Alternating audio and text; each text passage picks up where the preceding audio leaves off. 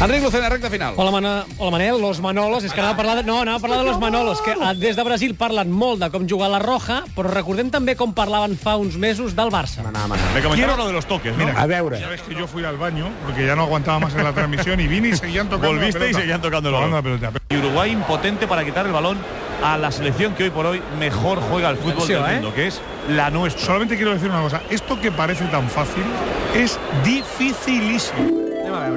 Buenas tardes, Carreño. Hola, Manolo Lama. Y hay gente que dice que se aburre viendo al Barça.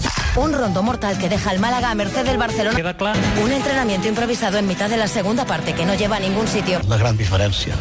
I Jordi Dan avui ha vingut al programa i m'heu parlat de les seves cançons. Musicalmente, la barbacoa y el chiringuito es la misma canción.